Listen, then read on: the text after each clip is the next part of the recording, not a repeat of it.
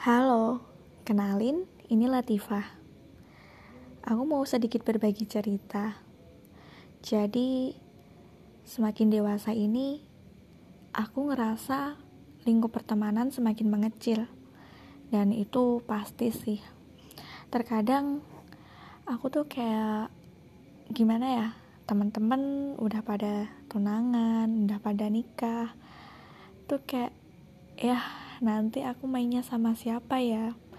Kayak udah ngerasa nggak punya temen lagi gitu. Kalian ada yang samaan nggak? Kayak aku gimana ya ngomongnya? Kayak ngerasa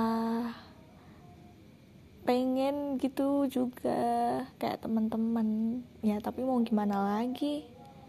Hi belum ada belum ada calonnya. Udah ah nggak jelas. Udah dulu ya kapan-kapan lagi